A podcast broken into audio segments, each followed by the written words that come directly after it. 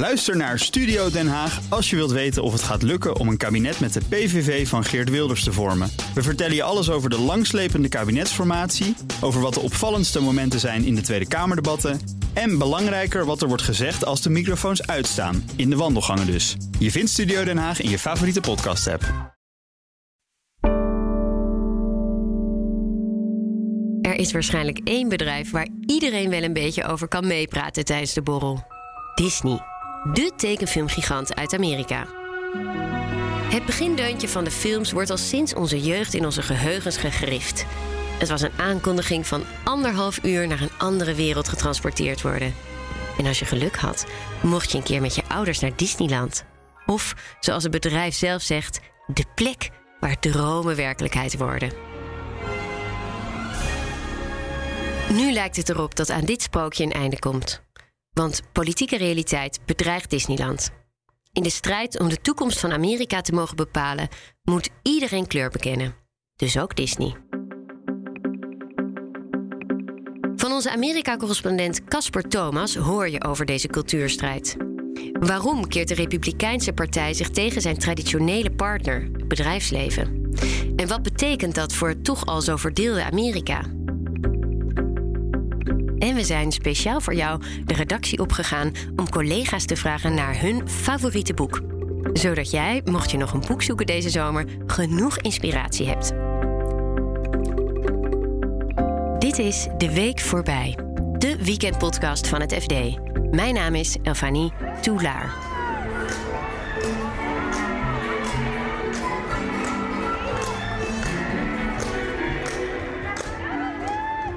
Welkom in Disney World, het allergrootste pretpark ter wereld. Het ligt in de Amerikaanse staat Florida, in de stad Orlando. En Disney World is zelf ook al een stad op zich.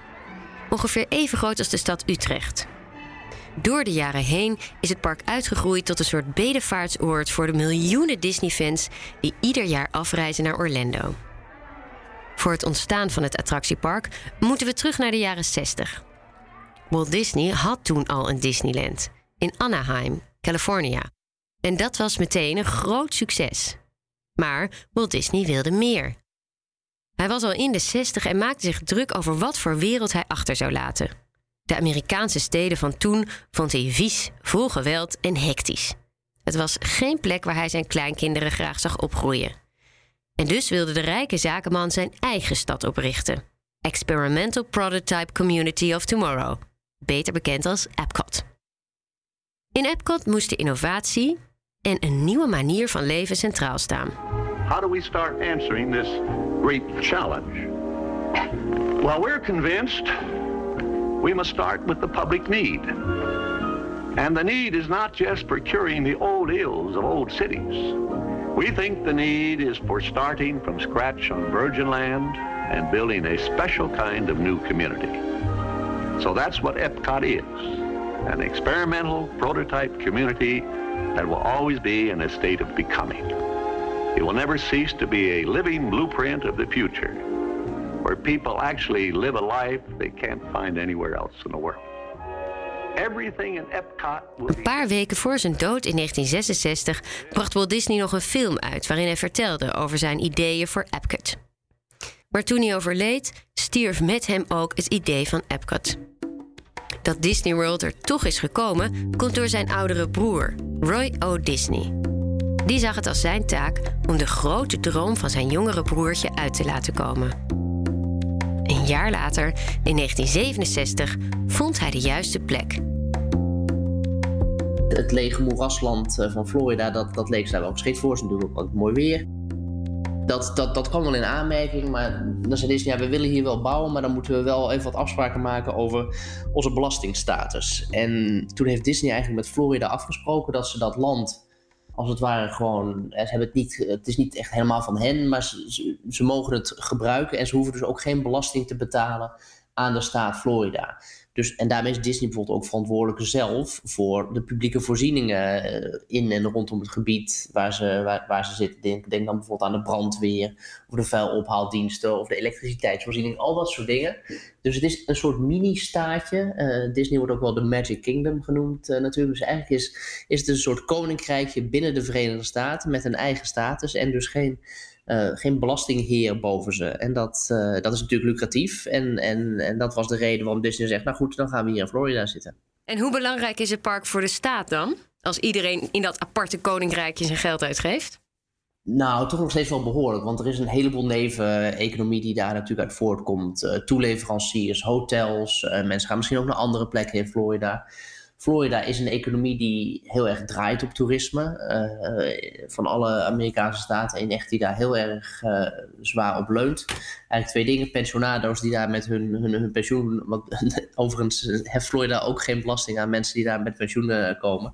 Dus je kunt belastingvrij van je pensioen genieten als je, als je dan naar Florida komt. Mm. Uh, en toerisme is dus de andere tak. En, en Disney is daar een enorm onderdeel van. Want rondom dat gebied, Orlando, uh, is dat dus midden in, de, midden in de staat eigenlijk. Behalve Disney zitten er ook allerlei andere amusementsparken, heel veel restaurants. Het is een soort enorm, uh, wat is het, recreatieterrein uh, met, met, met, met, met attracties. En, dus, en Disney is daar het, het, het kloppende hart van.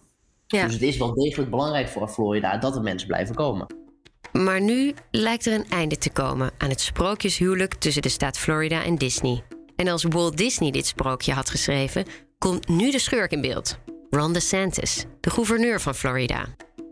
I can tell you, they do not want this woke garbage in our society. They don't want to see their kids go to kindergarten and have this stuff jammed down their throats. And so I just stand with the people. I stand against a lot of media and a lot of big corporations. But at the end of the day, I think we have uh, the facts and the, the strength in numbers on our side. Een beetje een, een republikein van Trumpiaanse snit. Er wordt ook wel gezegd dat hij eh, zelf eventueel ambities heeft om president uh, van Amerika te worden op enig moment.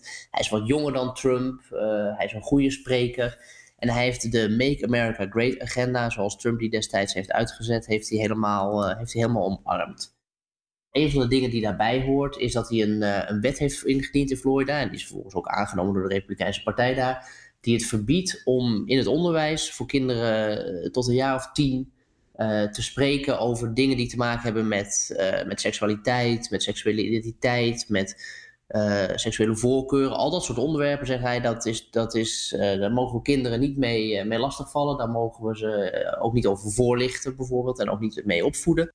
En je kunt je wel voorstellen dat deze wet nogal omstreden is. Onder het personeel van Disney ontstond enorme onrust. Today, dozens of Disney employees walked off the job. Um, you know, out here just in support of all of our here uh, employees and their families. An act of protest over Florida's so-called "Don't Say Gay" bill. If signed into law, it would ban classroom instruction on sexual orientation or gender identity. En dus stond de baas van de Walt Disney Corporation, Bob Chapek, voor een keuze. Moest Disney zich uitspreken over een politiek geladen onderwerp? Het bedrijf, dat in Amerika synoniem staat voor familiewaarde, had zich lang uit de politieke discussies weten te houden. Maar nu zorgde juist Disney stilte voor kritiek. En dus besloot Bob Chapek uiteindelijk toch maar te reageren. Hij heeft het heel voorzichtig uitgedrukt. Hij heeft geen eh, brandbrief geschreven. Het duurde ook even voordat hij, voordat hij zich uitsprak. Dat gebeurde eigenlijk uiteindelijk onder druk van, uh, van medewerkers. Dus, Disney heeft veel medewerkers die uh, binnen de LGBTQ gemeenschap vallen. Mm. Ik zei, luister eens, uh, baas, spreek jou hierover uit. Nou, dat heeft hij gedaan in een interne brief. Die lekte uit.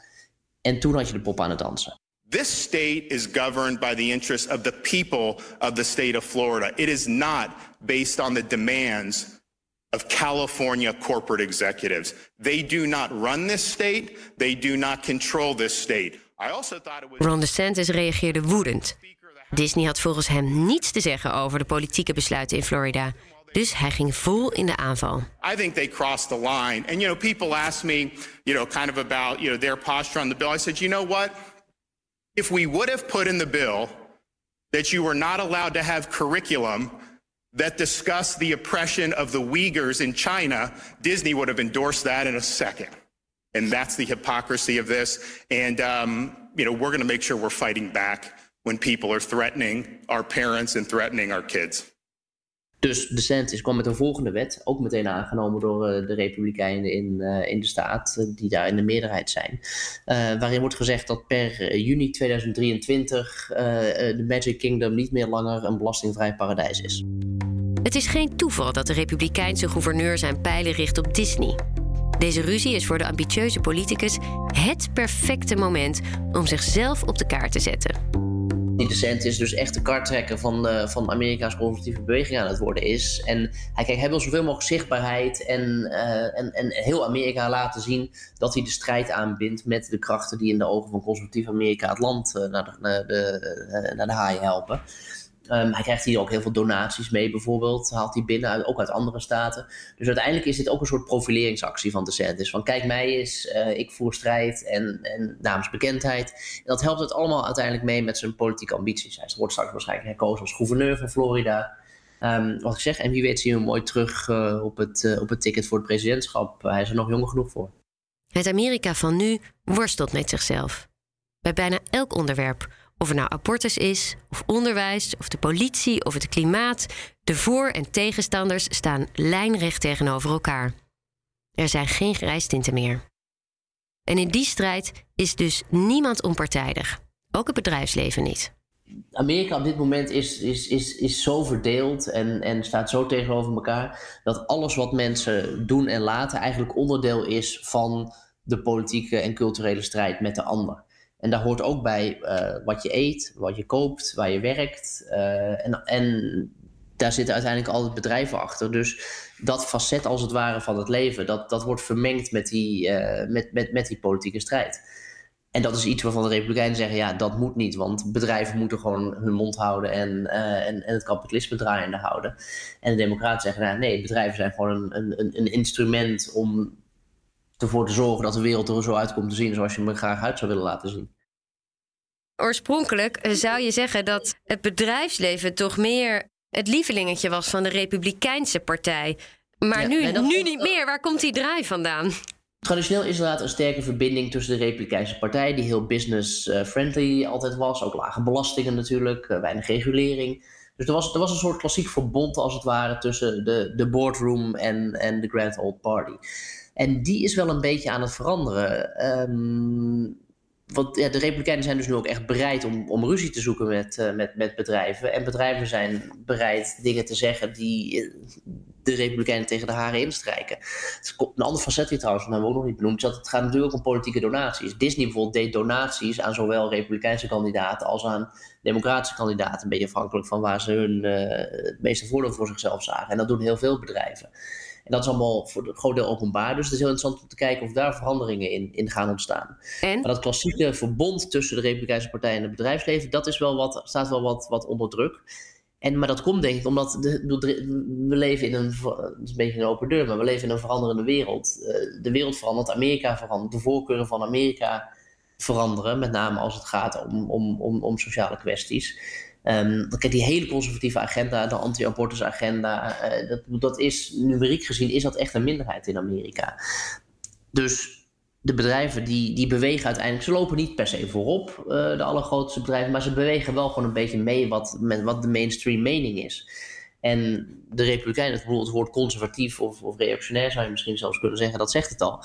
Uh, die proberen de, de, de, tijd terug te draaien, uh, bijna letterlijk zo ongeveer, als je die abortuszaak bekijkt. Dus dat betekent dat het bedrijfsleven en, en de Republikeinen een beetje aan elkaar aan het drijven zijn. De Republikeinse Partij keert zich dus verder af van hun vroegere bondgenoot, het grootkapitaal. Dan zou je als Disney kunnen zeggen: We zijn het hier zat in dat verdeelde Amerika, we gaan weg. Maar dat zal niet snel gebeuren. En ook verhuizen naar een vriendelijkere staat is nogal een onderneming.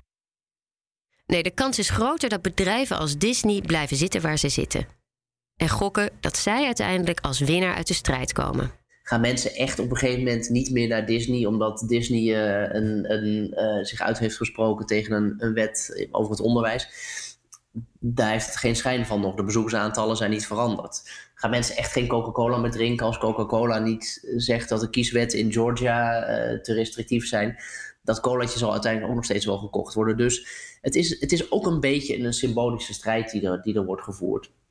En dat geldt ook voor de strijd tussen Disney en Ron DeSantis. Want hij wil dan wel graag hun belastingvoordeel schrappen, maar dat is zo goed als onmogelijk.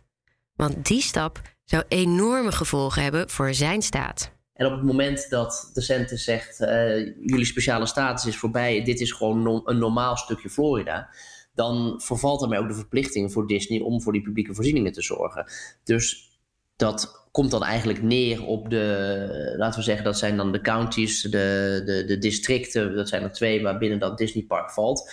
Die lokale overheden moeten daar dan eens, eens voor gaan betalen. En die zijn helemaal niet zo goed gefinancierd, dus die zien de rekening al aankomen. Dus dat zou een enorme uh, druk leggen, uiteindelijk weer, want het moet geld moet ergens vandaan komen, op de belastingbetalers in Florida dat maakt dat misschien de is op het moment dat het puntje bij paaltje komt, zich nog eens een keer achter de oren zal krabben van goh, heb, heb, heb ik er dat wel voor over?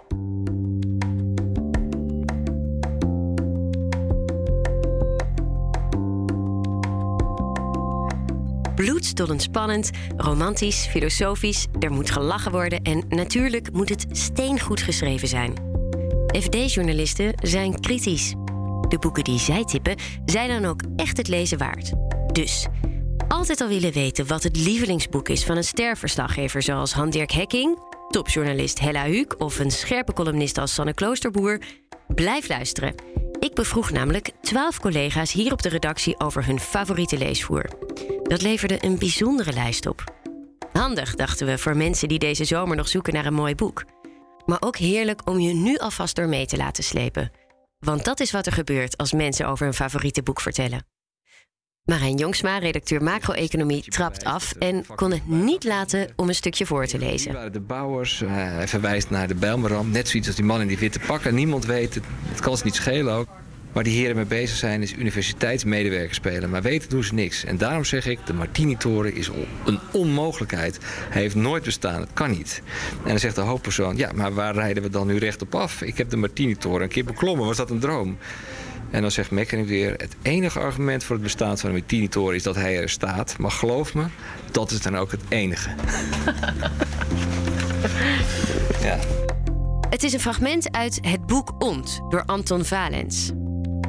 Uh, het is een van de weinige boeken die ik ooit gelezen heb waar ik echt hard op uh, om het lachen. Ik heb gisteren nog even nagelezen en moest weer enorm lachen. En de hoofdpersoon raakt dan eigenlijk in de band van een soort ja, oplichterachtige figuur. En die wordt ook geweldig uitgewerkt. Je hebt het boek ook heel vaak cadeau gedaan, hè, zei je? Ja, precies. Omdat ik, uh, Het is een iets onbekendere schrijver. Dus de, de, kans dat, je, dat iemand al zijn kast heeft staan is, is wat kleiner. Hij leeft ook niet meer overigens, helaas. Uh, maar ik vind het ook altijd wel leuk om een boek cadeau te doen... waar mensen gewoon onbedadelijk om kunnen lachen. Ja, dat hoop je tenminste maar. Hè. Humor is natuurlijk nogal persoonlijk. de, de beginzin is al geweldig, zeker.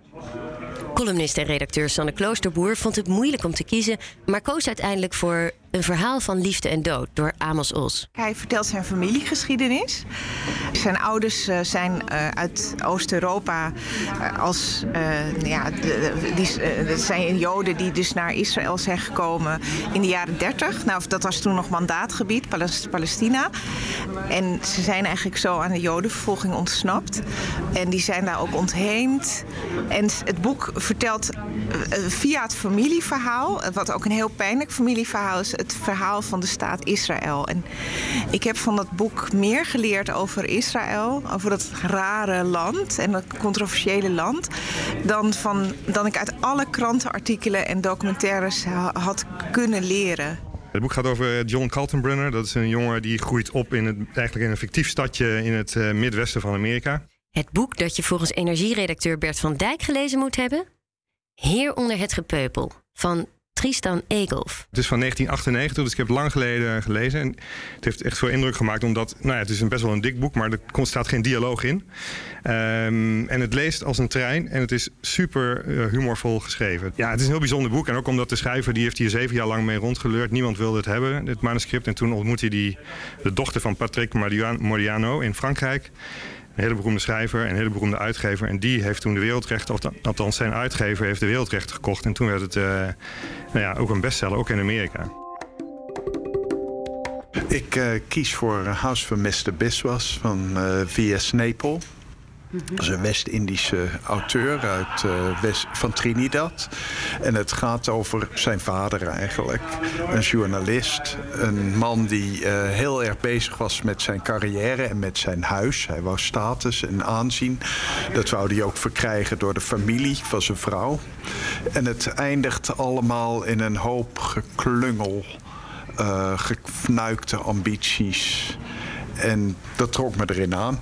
Heb je het vaak gelezen? Ja, ik heb het denk ik drie of vier keer gelezen. Ik geef het ook de hele tijd uh, voor verjaardagen, uh, al jarenlang. Ik geloof dat er geen groter fan is dan ikzelf. Dat vind ik wel jammer. Hans de Jong is chef nieuws bij de krant. Dat betekent dat hij bij bijna alles betrokken is. Van onze voorpagina tot pushberichten. Hans moet er wat van vinden. Toen we hem vroegen naar zijn favoriete boek, veroorzaakte dat nogal wat stress. En er is iets uh, problematisch aan dat boek. En eigenlijk ben ik me dat gaan realiseren.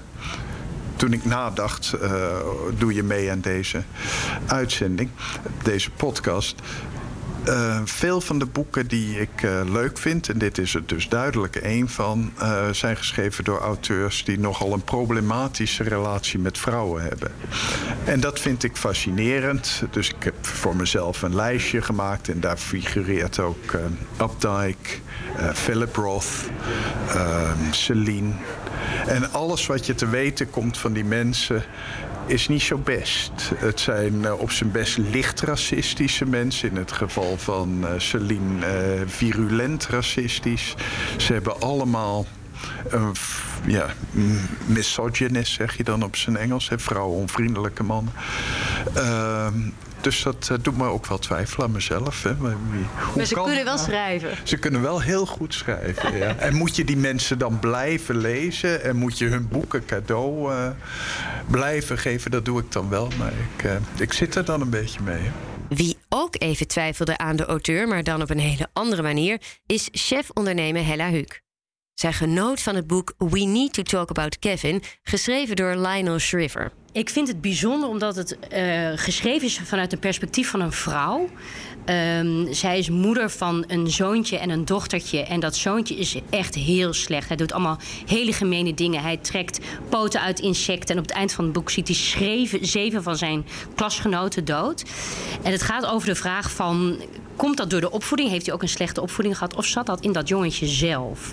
En je komt er niet achter omdat je het alleen vanuit haar perspectief ziet. En de schrijver heet dus Lionel Shriver. En ik heb altijd gedacht dat het een man was. Want ja, Lionel, ja, Lionel Richie is een man, toch? Maar het is dus een vrouw. Maar ik heb dus altijd gedacht van... oh, wat knap van een man om je dan zo goed te kunnen verplaatsen in die vrouw. Want ik herken mij als moeder van twee dochters... herken ik wel heel veel in, in, uh, in uh, hoe die uh, emoties van die moeder zijn. Maar ja, dat, het is dus ook geschreven door een vrouw.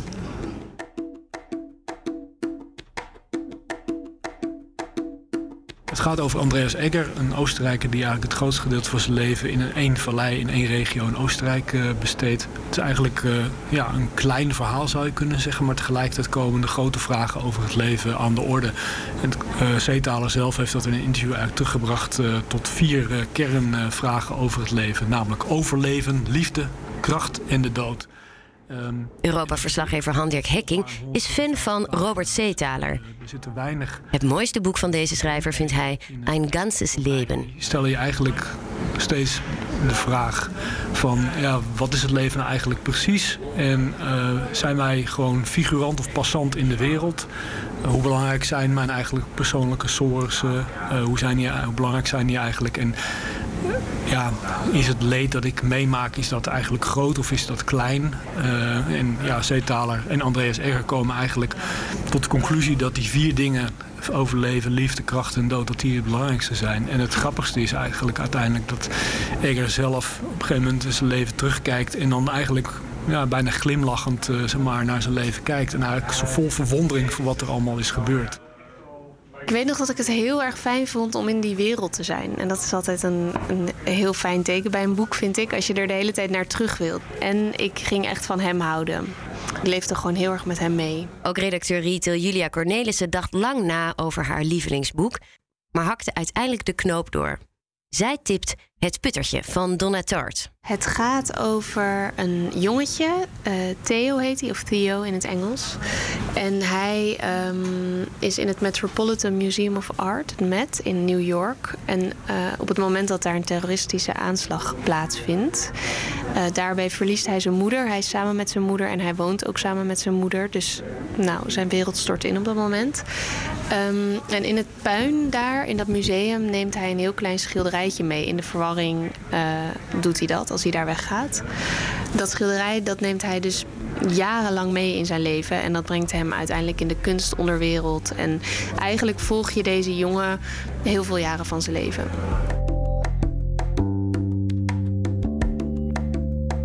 En dan gaan we enigszins terug in de tijd. Zorgredacteur Maarten van Poel heeft als lievelingsboek Utopia Avenue van David Mitchell. Gaat over een band, een jonge band die in het Londen van de jaren 60 uh, doorbreekt. En uh, dus tegelijk met de Beatles, David Bowie, de Rolling Stones, die komen ze ook allemaal tegen. Uh, dus er komen allemaal echte personages in voor. Maar het is wel fictie? Het is, wel, het is hartstikke fictie, ja zeker. En waarom vind je het zo'n mooi boek?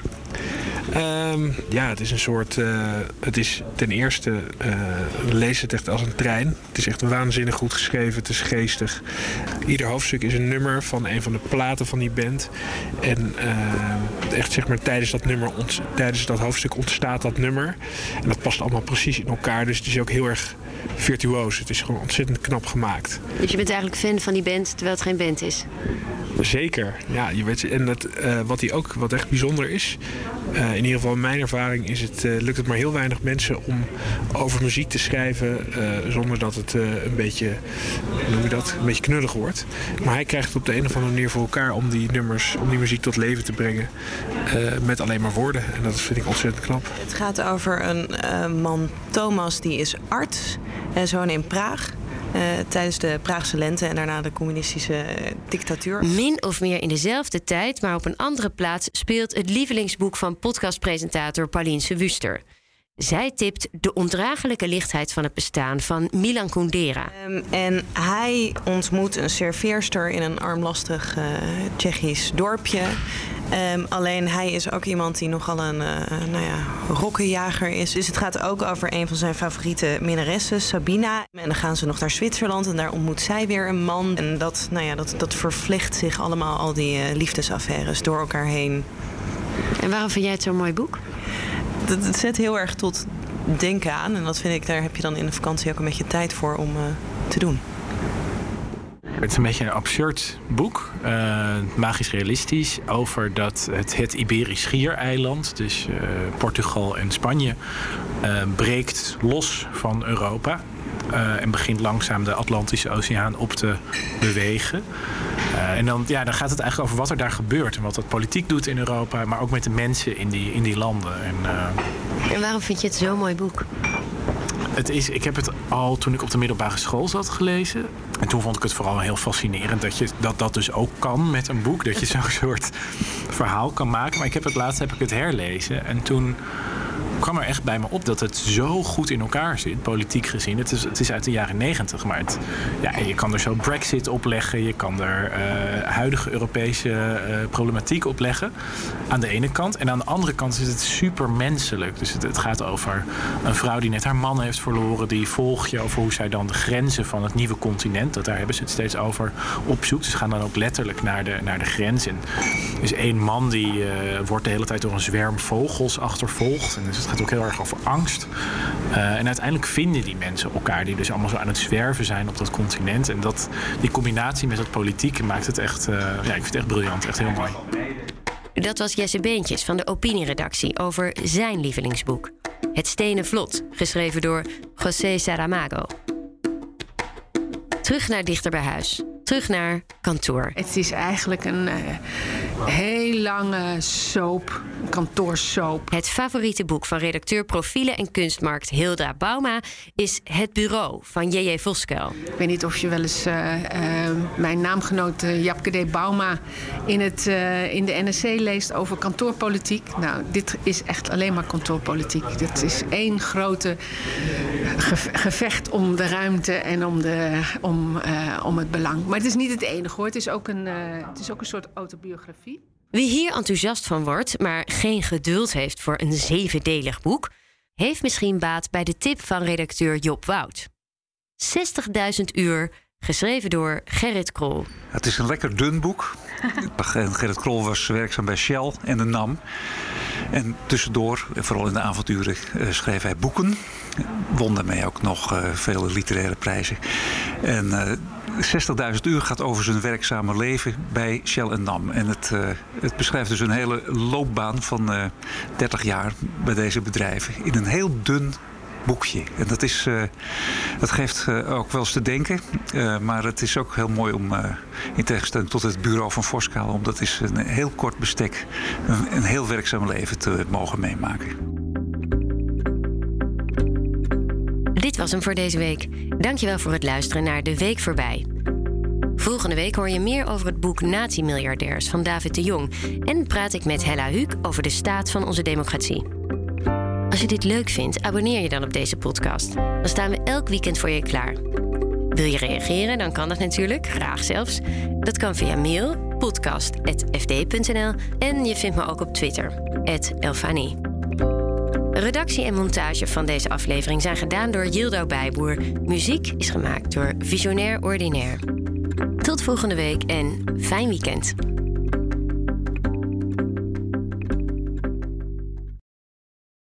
Ook Liesbeth Staats vind je in de BNR-app. Ja, heel handig. Luister live naar Kees en mij tijdens de Daily Move. Dan blijf je ook gelijk op de hoogte van breaking news en het laatste zakelijke nieuws. En daar vind je ook alle BNR-podcasts, waaronder de Perestrooikast. Download nu de gratis BNR-app en blijf scherp.